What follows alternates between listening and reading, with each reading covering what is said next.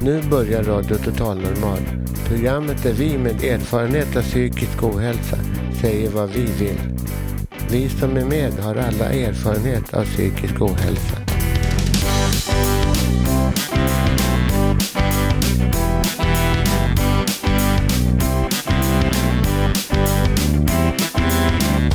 Du lyssnar på radio Total Normal. 101,1. Totalt normalt. Radio Total Normal, torsdagar från två till halv fyra. Vi livesänder med publik från Götgatan 38 i Stockholm. Kom hit och lyssna. Här är alla röster lika värda.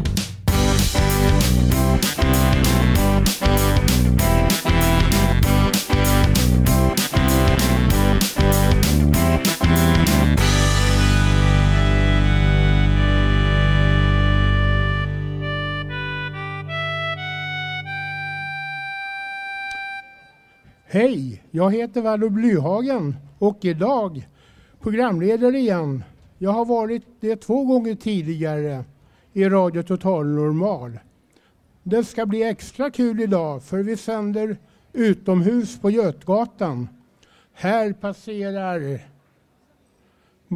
massor av människor. Solen strålar. Det kunde inte bli bättre. I dagens program blir det mycket livemusik. Lisa har gjort ett reportage om den medeltida dansen, balladdans. Och Robert kommer att, att dela med sig av sina underfundigheter. Och Agne, Agneta ger oss ett boktips. Och vi på redaktionen har sommartips till er lyssnare. Det här och en massa annat. Välkomna!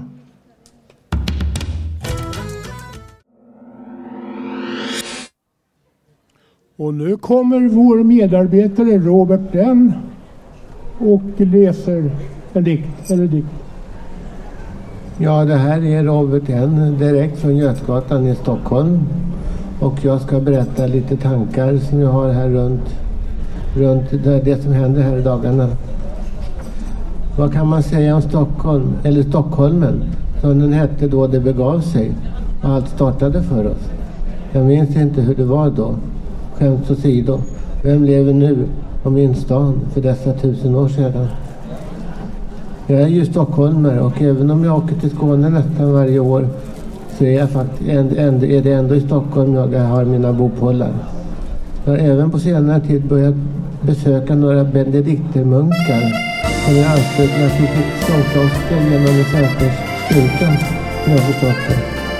Det är vad det blivit, vad kan man annars säga? Bittert, är jag negativ? Vad ska jag säga? Det är som det är. Det är som det har blivit. Jag bor annars på Södermalm och har en alldeles, alldeles, alldeles jättebegåvad dotter som slår sin fader rejält på fingrarna med sitt skapande och mycket proffsiga fotande. Jag har en katt som heter Elvis och eh, han har nog fixat det för sig. Vad kan man annars säga om katter? Dumma djur. Det har, fattar väl inte någon. Inte väl vi så smarta att vi fixade så för oss.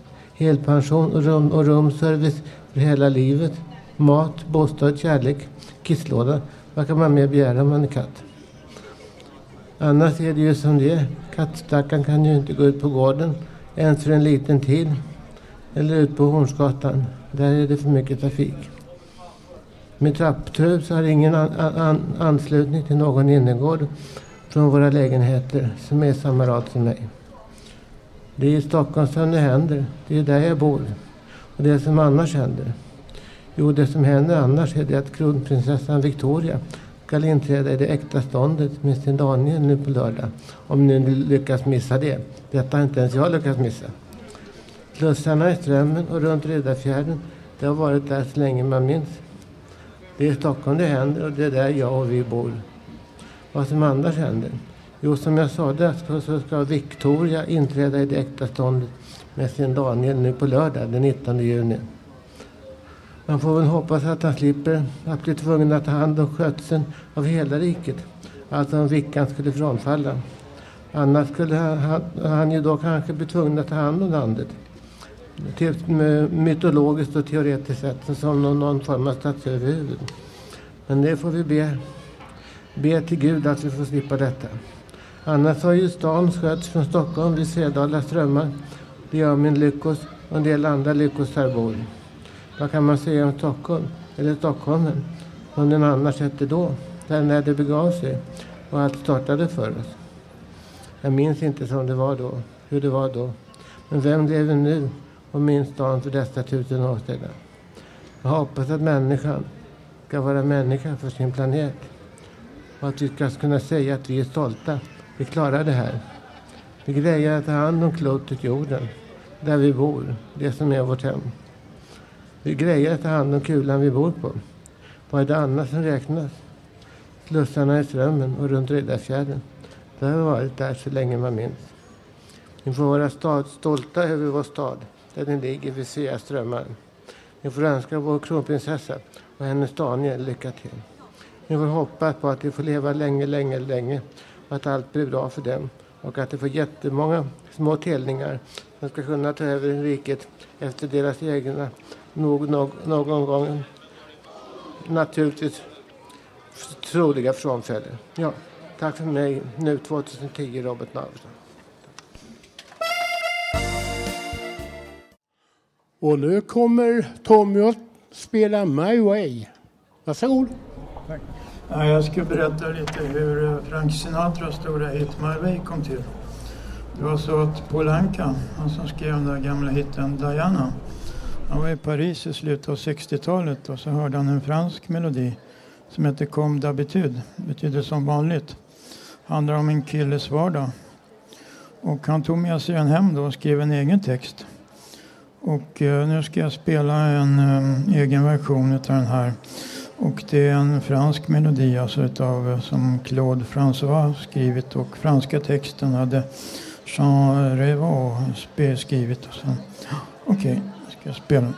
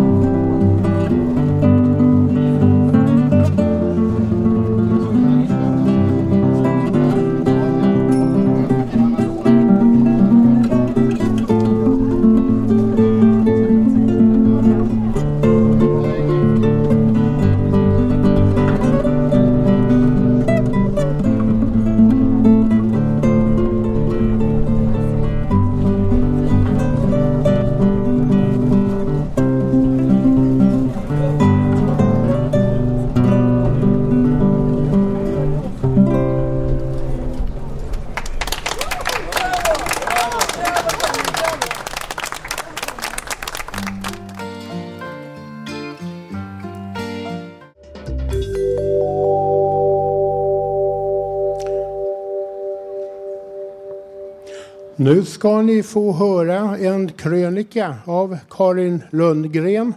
Den heter Schizofren politik. Aldrig förr har så många röster från maktens korridorer ljudit så tvetydigt och motsägelsefullt. Det är en schizofren politik som råder i landet. På riksnivå såväl som på det kommunala planet. Vi ska inte acceptera den här politiken. Vi ska genomskåda den, nagelfara den och slå på strålkastarljuset. I vintras var jag på ett möte där vår folkhälsominister Maria Larsson talade sig varm om människors lika värde. Och hon hävdade med bestämdhet att regeringen vill ha bort fördomar och nedlåtenhet mot människor med psykisk ohälsa. Av den anledningen satsar regeringen under två år 24 miljoner på en kampanj i syfte att bekämpa fördomar. Några månader efter detta möte sänks pensioner och sjukersättningar samt utförsäkras över 40 000 människor, varav många med psykisk ohälsa. Sjukbidrag och sjukersättningar dras in och sjuka medborgare hänvisas till en tillvaro utan ekonomisk trygghet. För att överleva, kunna betala mat och hyra får de nu gå till socialkontoret och be om det allra nödvändigaste. I ett kallt arbetsmarknadspolitiskt läge med 10 procents öppen arbetslöshet slängs ytterligare 40 000 ut såsom arbetssökande. Ett vansinnesprojekt utan like i modern tid. Människor som lider av psykisk ohälsa eller andra sjukdomar ska nu tvingas konkurrera på samma villkor som helt friska arbetslösa. Tillbaka till regeringens attitydkampanj.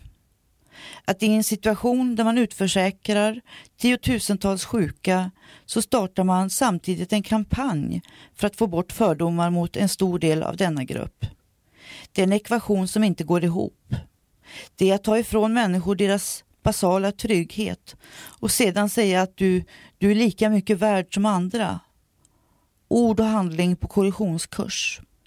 Aldrig tidigare har den politiska makteliten i det här landet talat så varmt om Fountain House verksamhet och andra liknande verksamheter. Men aldrig har dessa ord varit så innehållslösa.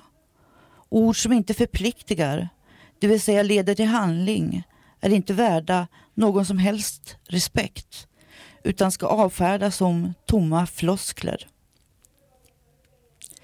Det är valår i år och röstfisket har redan påbörjats.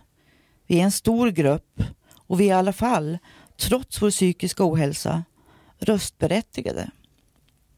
Men vi är inte betjänta av kampanjer som saknar reell grund utan bygger på floskler. Och som bara är ett färggrant polityr på en politik som i huvudsak gynnar högavlönade och välbeställda. All forskning visar dessutom att kampanjer inte förändrar attityder och att de fördomar som omgivningen har inte påverkas i någon betydande utsträckning av kampanjmakeri. Fördomar är betydligt mer djupgående än så och den så kallade allmänhetens rädsla för människor med psykisk ohälsa är mycket starkare än förnuftet. Trots att kunskapen finns reagerar omgivningen med rädsla och avståndstagande. Kvällstidningarnas rubriker som skriker ut att psykiskt sjuk mördare jagas är ett fenomen i vårt samhälle som slår hårt mot våra grupper som så gott som till 100 procent består av fredliga människor. Tillbaka till folkhälsominister Larsson och hennes varma tal om människovärde och gemenskap. Hon berättade att regeringen hade gjort en undersökning som pekar på hemska fördomar hos så kallat vanligt folk. Var fjärde person skulle inte kunna tänka sig att ha en arbetskamrat med psykisk ohälsa. Var femte person skulle inte kunna tänka sig att bjuda hem någon som har psykisk ohälsa. Och det allra värsta, över 60 procent anser att de flesta personer som en gång varit patient på en psykiatrisk klinik inte är pålitliga barnvakter. Den fråga som inte ställdes i undersökningen var Anser du att du har tillräckligt mycket kunskap om psykisk ohälsa för att kunna uttala dig? Och ser du de nyligen utförsäkrade såsom jämlikar i en konkurrenssituation om arbete? Jag tror knappast att de 60 procenten som inte kan tänka sig oss som barnvakter skulle ha en annan inställning till oss som arbetskraft. Naturligtvis anser majoriteten att en frisk arbetslös är mer värd och har en självklar förtursrätt till ett ledigt jobb än en som är drabbad av psykisk ohälsa. Ja, hon talar sig varm, vår folkhälsominister. Men verkligheten blir inte varmare för det. Ty det hon och hennes kollegor i regeringen har lyckats med. Är att skapa ett mycket kallt, inhumant och empatiskt utarmat samhällsklimat.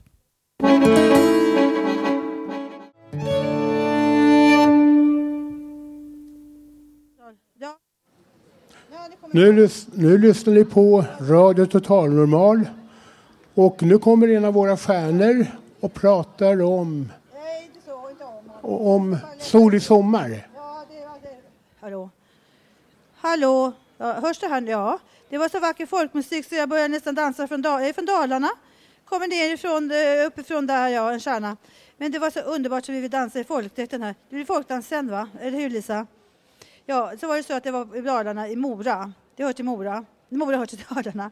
Folkrätter och sånt. Ja, det var så hemskt sjukt och jobbigt allting. Ni vet hur kämpigt det är på sjukhusen nu för tiden. Ja, det var så här va, att jag var där, ja. Och sen så var det så ångest och så. Sen såg jag ett vitt papper. Tänkte jag ska skriva ner någonting. Jag skriver ner faktiskt där. Det var många, många år sedan. Jag minns inte vilket år det var. Jag var inte gift då. Och sen så skrev jag det här så. Och det ska bli, jag tänkte en roman, man ska bli berömd som min mans dotter. Men hon är ju författarinna, det blir väl inte jag. Men det var kapitel ett och så var det så här. Och sen gick det över, vart jag så glad. Det var så skönt. Och det var så länge sedan, men det vart, att det för långt? Nej. Hur, det, hur kom jag på det här då? Det var lite sanning i det här med torpen och men det är ett annat namn här än jag. Det kommer så här. Ja, ja hur vart det här då? Eh, Monica håller på för länge också, men jag vet inte hur långt det här är. Min soliga sommar, var kom det ifrån? Men det är det nu va? En solig sommar. En gammal... Kapitel 1. Solen skiner in genom det spröjsade fönstret i gästrummet bakom en rätt tunn rullgardin. En fluga ger sig till känna genom sitt surrande mot rutan när den vill komma ut igen. Då först blir Richa långsamt medveten om att hon är alldeles ensam, förutom flugor och annat kryp, i den egna stugan mitt ute i skogen. Hon har vaknat upp ur en skön dröm. Det är för högt. Om något hon inte... Hörs det inte? Något hon inte riktigt minns och tycker det känns så lugnt och fridfullt. Ute i köket intill lyser solen även in under de målade rullgardinerna. Det är sant det här, det var så, riktigt, ja, det var så då. Det ska bli så sen. Och blommorna som han hade plockat kvällen innan prunkar så fint i kristallvasen på bordet invid fönstret. När han tittar ut där ser hon att det fortfarande är fuktigt i gräset runt huset, gräset av dagg eller ett kort morgonregn. Träden vajar i vinden och nedanför rinner det lilla vattendrag som går vid sidan av huset. Det är så, det finns där. Richard tappar upp vatten från vattendunken som hon haft med sig i bilen och värmer lite vatten till kaffetår. Hon tar fram en påse bullar ur frysen. Det hon har bakat förut och ska tina lite i ugnen. Hon är glad att hon tog med så pass mycket mat i matväg. Mat som hon nu hittar i kylskåpet. Som till exempel filmjölk, smör och olika pålägg. Tack gode gud för mina sista hyresgäster, tänker Risha. De hade lämnat så mycket fina saker till henne när de flyttade till från torpet. Men de hade också hyrt av Risha ganska många år och haft en mycket låg hyreskostnad som de betalade punktligt varje år. Nu skulle de inte bo kvar där längre, för de hade ett arbete någon annanstans än i Stockholm. Så de var tvungna att skaffa sig ett annat sommarhus. Och Risha ville nu ha tillbaka sin egen sommarstuga som hon fått i arv efter sin morfar. Min morfar lever inte längre, men det var morfar som gav mig torpen. Så jag är faktiskt hyresvärd också. Men nu bor jag själv, ska jag bo där. Det här var länge sedan. Ska det bli så sen till slut? Här är rätt bordet redan, tänkte Risha. Det var en parentes. Och här, den här duschapparaten verkade så käck och behändig. Fast man inte hade rinnande vatten i huset. Hon gör i ordning hon gör i ordning den med vatten från en regntunna utanför huset och tar sitt svalkande dusch innan hon klär sig i sommarlätta kläder som hon hade med sig som ombyte. Medan kaffet börjar bli klart Hon håller på att duka fram. Ser hon ut genom gästrumsfönstret som vetter mot vägen som går mot stugan och kommer ner från landsvägen. Då får hon se en person komma gående upp mot huset. Hon går undrande ut för att möta denna person. Det visar sig att det är en kvinna som går med en hund, en labrador. Hon är inte bara ute efter att valla hunden utan hon har som mål att hälsa på Richa. Richa tycker det är något bekant med kvinnan och de måste ha setts förut vid något tillfälle. Den okända kvinnan heter Kaula. Det visste hon inte. För Kaula, det kommer från ovan. Det är ett nytt namn. Och visar sig bo en liten bit bort efter landsvägen som går längre ner. Richard bjuder nu in henne på kaffe i köket och de börjar samtala om olika saker. Och om det, vad, kan ha setts förut? För du vet, du vet båda att de har setts, för, att de känner igen varandra. Ser det? Till slut slår det dem att det måste ha varit en musikkurs i Stockholm som de gick båda två för att spela blockflöjt i grupp. Kaula hade tidigare bott rätt mycket i Stockholm men flyttade ut till Ljungvik för några år sedan när hennes man blev på sjukpensionär. Och då blev huset hon bodde i ledigt efter en gammal släkting som dog hastigt och inte hade barn. Så Karl och hennes man Claes hade gjort sig hemmastadda i sitt hus. De hade en liten trädgård med mycket blommor i. Huset låg i änden på en avtagsväg från landsvägen ner mot en liten tärn med både öppet och skogigt landskap. Det var ett rätt litet hus med veranda och staket runt tomten. Richard blev ditbjuden senare att komma hem till dem och fick se hur trivsamt de bodde. Men nu när de satt i Richards stuga fick hon höra allt, bara höra allt beskrivas av Kaula. Det kändes så bra att tala med Kaula och det fanns så mycket gemensamma intressen. En sån underbar vän skulle man ju ha. Kanske får. Även deras åsikter om mycket som stämde lustigt nog. Kaula var begåvad på många områden, hade prövat på mycket i sitt liv. Bland annat hade hon också en period prövat på medicinstudier, men hon hoppade av. Hon insåg nämligen att den där utbildningen mest ledde till att utveckla kunskapstörstande människor av vilka somliga kanske hade ett allvarligt intresse att hjälpa medmänniskor och bota sjukdomar. Men att alla bara likgiltigt utbildade sig till i princip levande robotar i medicin. Hallå? Jag försvann det. Och med en syn på patienten att hon var en maskin som skulle repareras i bitar, olika bitar. Hon lämnade så utbildningen och fann istället tillfredsställelse i att följa andra alternativa kurser. Som zoomterapi, massage och akupunktur hade faktiskt blivit klar med ett diplom och en legitimation. Kaula alltså. Richard lyssnade förstummat till allt Kaula hade att berätta. Började studera henne med medvetet, mer medvetet och ser hur vacker hon är trots sitt ovanliga utseende. Hon hade karaktäristiskt ansikte, halvlångt rödtonat hår, lite smakfullt uppsatt i en snurr. Hon verkade intelligent, men samtidigt så mänsklig och förstående. Det blev ett långt samtal om allt mellan himmel och jord, men till slut säger Kavla ifrån att nu måste hon gå hem till maken. När de ser på klockan upptäcker de att man måste ha suttit minst en timme och hade hunnit äta av frukosten som hade hunnit äta av hela frukosten som Richard hade gjort i ordning. Kavla skulle gå en liten bit till i skogen för att lufta sin hund och Risha följde med henne en bit på skogsvägen. De göt båda av lugnet och allt vackert den såg efter vägen. Men, men, de hade inte gått långt förrän telefonsignalen utanför huset, det var så utanför, hördes ljuda gällt.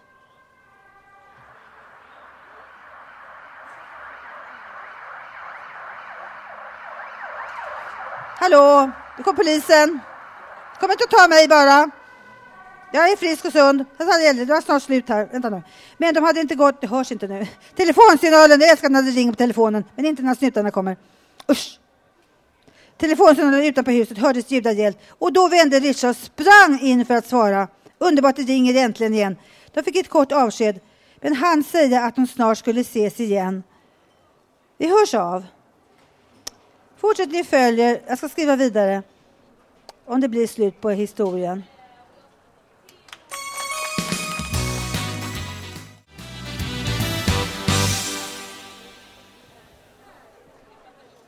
Eh, vår reporter Lisa har gjort ett reportage som handlar om balladdans. Detta är en sorts folkdans och en väldigt gammal typ av dans. Lisa har intervjuat en grupp som heter Korp. Gruppen består av Gunnar och Karen som utöver, utövar just balladans. Sina himlen tog av sig sin gamla hatt Sjung på röjnan mig Och röda guldkronan där under den satt Sjung faderik faderik Ja, nu är jag hemma hos Karin och Gunnar här ute i segersäng och här dansas det balladans. Jag står här och ser på folk som dansar i en ring.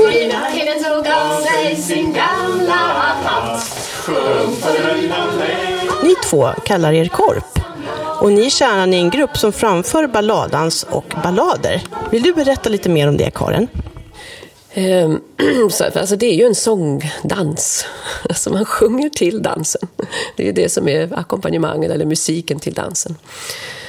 Och ehm, ja, det, det kan vara en försångare som sjunger då versinnehållet och sen så sjunger alla med i något sorts omkväde. Det kan se lite olika ut.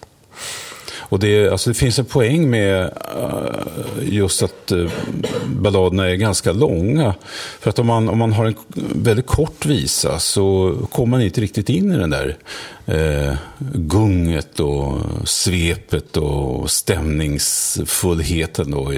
För det blir, en, ja, det blir suggestivt helt enkelt när man håller på. Och melodierna är ju återkommande vers för vers och omkvädena återkommer hela tiden också. Så att man, man liksom kommer in i en gemensam stämning som är jätteskön. Har man något instrument till när man dansar balladans eller är det bara sång? Nej, det är bara sång. Balladerna är ju alltid en, det är alltid en historia som berättas. Och det kan vara dramatiskt och allvarligt eller det kan vara skämtsamma historier. Kämpa-historier, mycket dramatik, kärlek. Ja, de innehåller det mesta.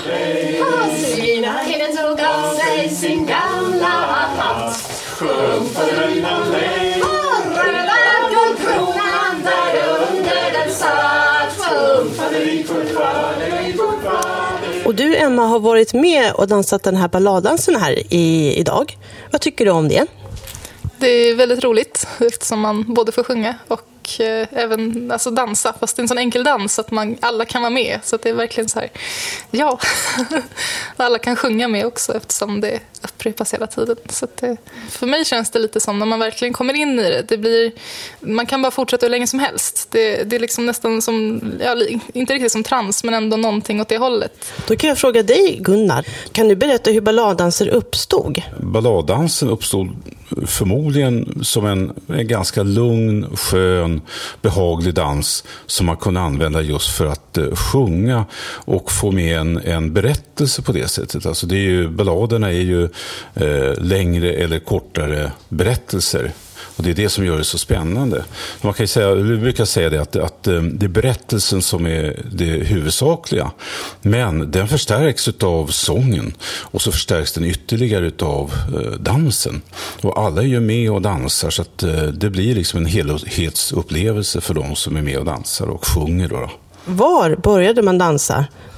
Ja, det är en väldigt, väldigt svår fråga som jag tror ingen riktigt kan svara på.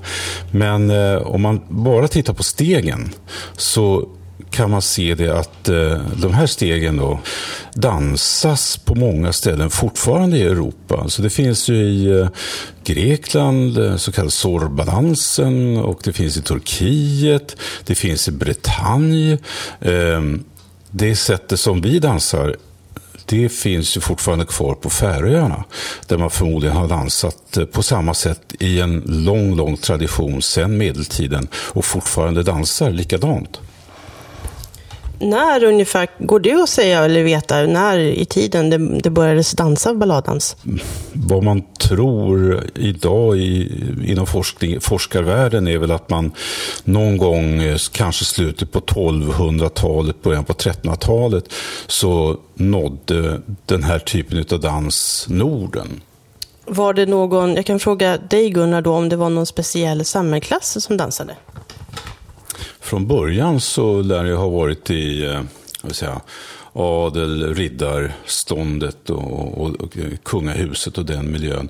Men eh, det sägs att det ganska snabbt så spred det sig för att det var kul dans och många ville vara med. Och eh, i de här högre stånden så var det kanske lite grann också av en eh, eh, modedans under en period. Medan det, när det spred sig till de breda lagren, blev en, en dans som man dansade länge och tyckte var väldigt kul att dansa.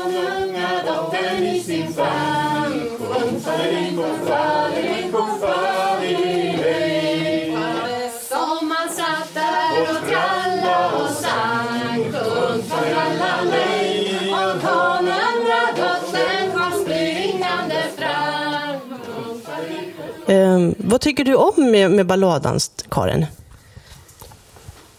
Ja, nej men det som jag tror är mest fascinerande det är just de här berättelserna. Att det, det, det är en... Ehm, ja, att det, det är så spännande, intressanta och, och fascinerande berättelser.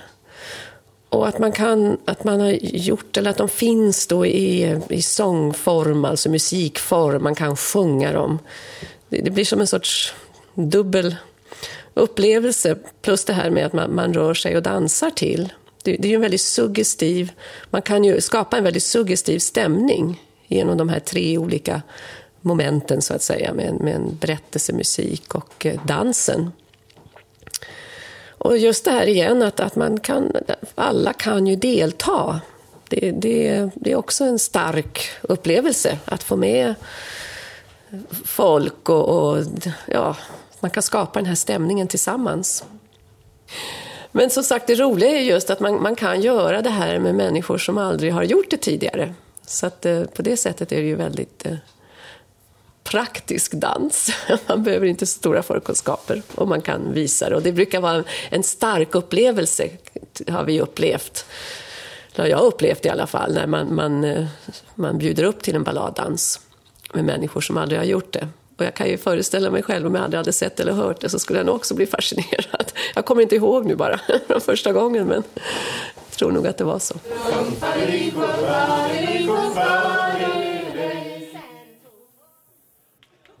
Och det var en reportage om gruppen Korp. Och nu ska vi få höra en låt av dem.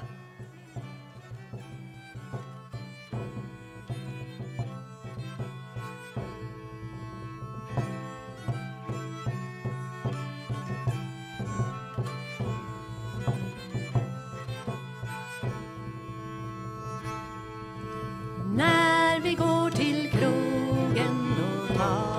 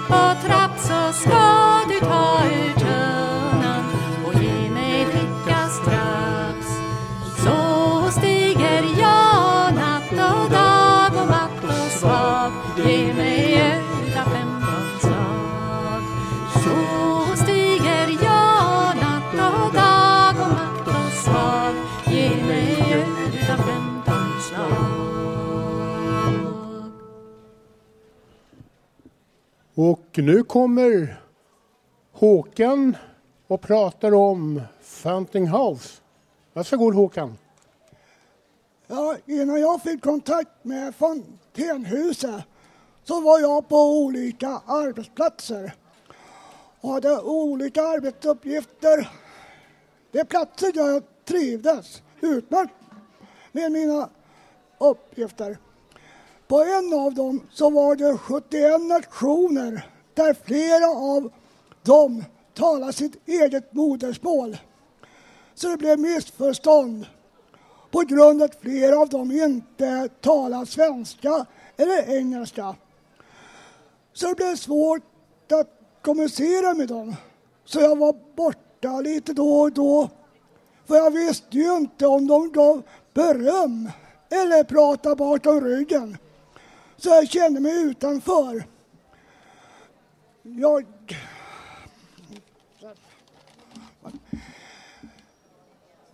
Oj, jag fann. Jag kände att de... Och jag pratade med arbetsledningen om det. Men jag kände att de var stressade och inte tog mig på allvar. Det ledde till att jag blev sjukpensionär på grund av psykiska besvär. Och eh, nu tänkte jag prata lite om kontakten med Fontänhuset det gick till. Så för snart 11 år sedan träffade jag en underbar kvinna. Hon hade arbetat i en butik som Fontänhuset här på Götgatan drev. Hon bokade ett studiebesök. Det har varit cirka 6-7 år. Där känner jag att de är måna om alla som mår bra. Där trivs jag, för alla som går där har liknande problem. För vi försöker stötta varandra så gott vi kan. Och där har jag alltid någon att prata med. Jag är även med i en radio Total Normal på, som vi sänder på torsdagar direkt med publik. Så nu känner jag mig inte utanför längre. Tack för mig!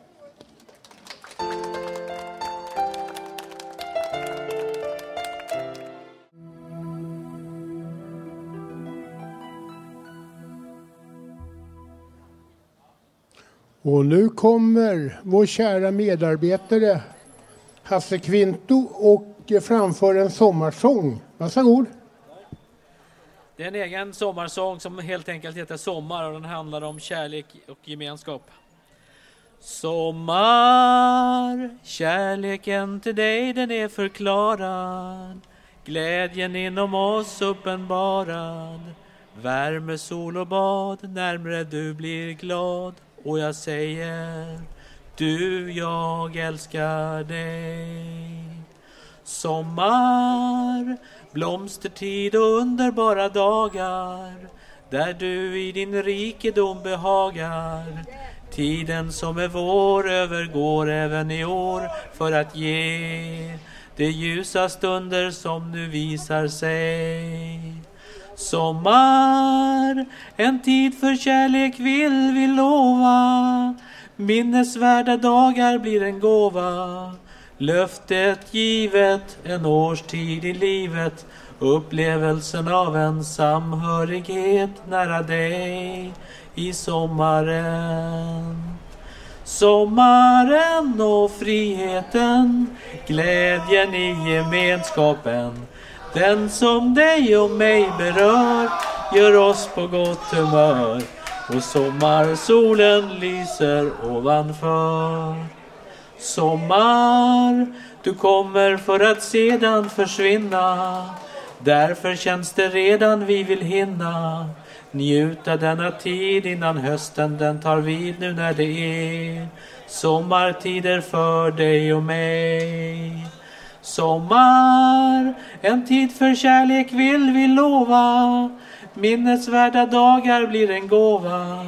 Löftet givet, en årstid i livet. Upplevelsen av en samhörighet nära dig i sommaren.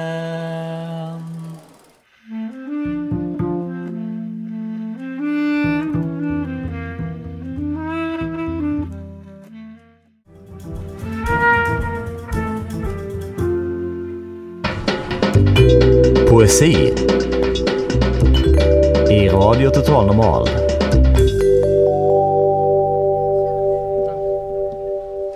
Och nu kommer stjärnan tillbaka. Varsågod. Hallå? Jaha, hallå? Nu fick jag komma tillbaka från Dalarna. Jag kommer från, ja, det vet vi kanske inte. Och från början är vi ingenting. Sen blir vi någonting. Och så växer vi där. Och så var det en dikt alldeles häromdagen. Jag vet inte vilket datum, det var inte många dagar sedan. Men jag har inget namn på den än, den kanske fortsätter sen, men det har varit en liten kortis. Nerver kanske vi kan kalla den för. Nerver är bra att ha. Eller hur? Jag är inte nervös. Den börjar så här, men den blev så här, kortis. Blåpinade nerver, darrar och skälver, duckar för plågan som väntas från monstret. Odjur som inte skonar, utan anfaller ständigt. Nya vapen ordnas. Nya sätt att regera. Nedtrycka den svage i en otrygg vånda. Vers 2. Vargarna flockas omkring. Ryter, gläfser och vill hugga. Ja, du kom doktorn kalla mig in där som inte kan hjälpa mig ett dugg. Tyvärr vart det slut där. Jag ska fortsätta kanske.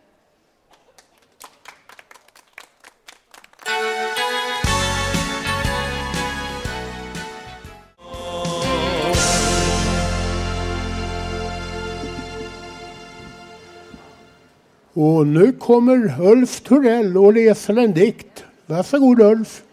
September, september var höst. Nu är juni sommar. Januari var vinter. Jag bor i Hammarbyhöjden. Jag är 57. Lucia jul och december. Idag är fredag.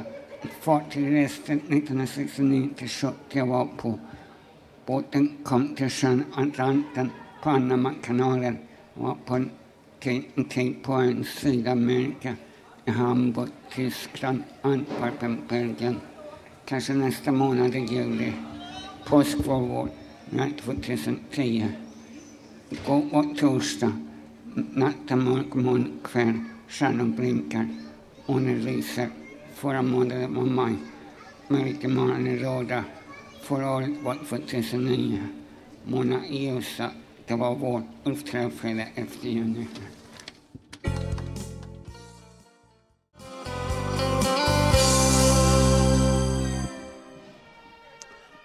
Det kom en kille från gatan som heter Rico och vill gärna prata om... Varsågod, Rico. Okay. Efter allt som har hänt mig själv och jag har sett i media i Sverige och i hela världen och som har hänt Johan Lillekvist. Jag kom eh, i tre år, jag mådde dåligt och psykiskt.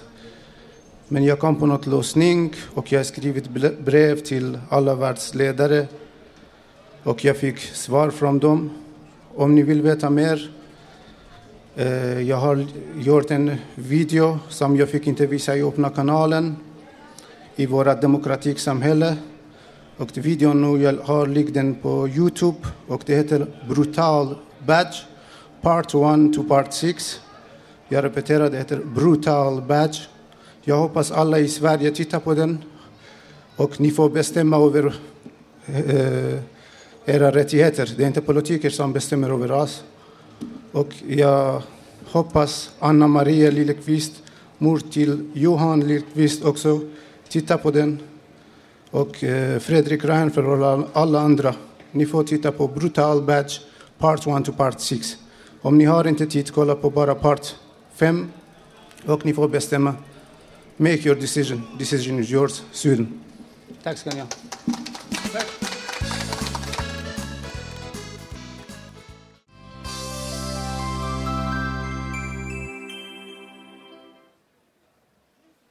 Idag har vi fått ta del av mycket givande underhållning. Men allt har ett slut och dit har vi kommit nu. Den fina musiken i dagens program är vald av mig, Vallo Blyhagen och Lisa. Tek- tekniken idag har skötts fantastiskt av Leni Günther. Hanna Samlin har producerat och vår eminenta projektledare Bodil Lundmark. Och jag själv heter Vallo Blyhagen och har varit er programledare idag. Vill ni höra vårt underbara program igen så kan ni gå in på vår hemsida Radio Total Normal www. Eh, Tack. Annars hörs vi igen nästa vecka. Hoppas vädret håller i sig ända till helgen. Jag ska ut och dansa ikväll på Gröna Lund.